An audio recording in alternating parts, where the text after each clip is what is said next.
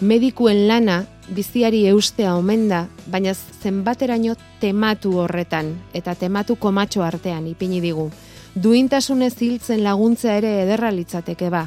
Laurogeita ama urte dituen bati oso larri den bati, baldintza oso txarretan biziraun beharko duen bati zenbaterako lagundu bizirik irauten oso hausnarketa egokia da, eh?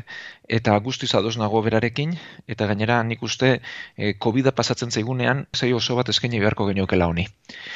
Orokorrean hartuta ez, ez koronavirusarekin bakarrik.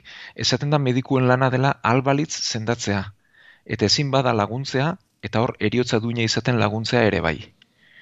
Orduan, beti zendatzeari dagokionean, ba, aurrean dugun pertsona hartu behar dugu kontuan. E, zendatzeko aukerarik ez badu, edo probabilitateak oso oso basuak baldin badira, edo bere oinarrizko egoera oso oso txarra baldin bada, tematzea, eusten neurriak ematea, txarra da, ez da medikuntza egoki bat. Eta horrek badu bere izena, eta gainera izena oso gogorra da, baina nik uste oso garbia dela, eta horrek krudelkeria terapeutikoa izena du. Ez? Eta hori ezin dugu, onartu eta ezin dugu egin.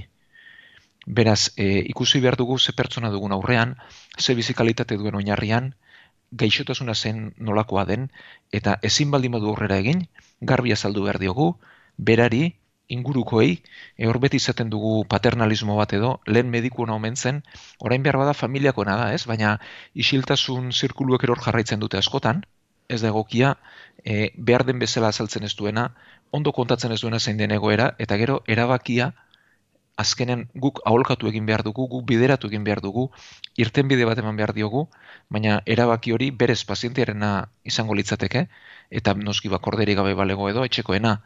Baina hor, askotan iskutatzeko, isiltzeko, ez aurre egiteko joera bat izaten da, ez?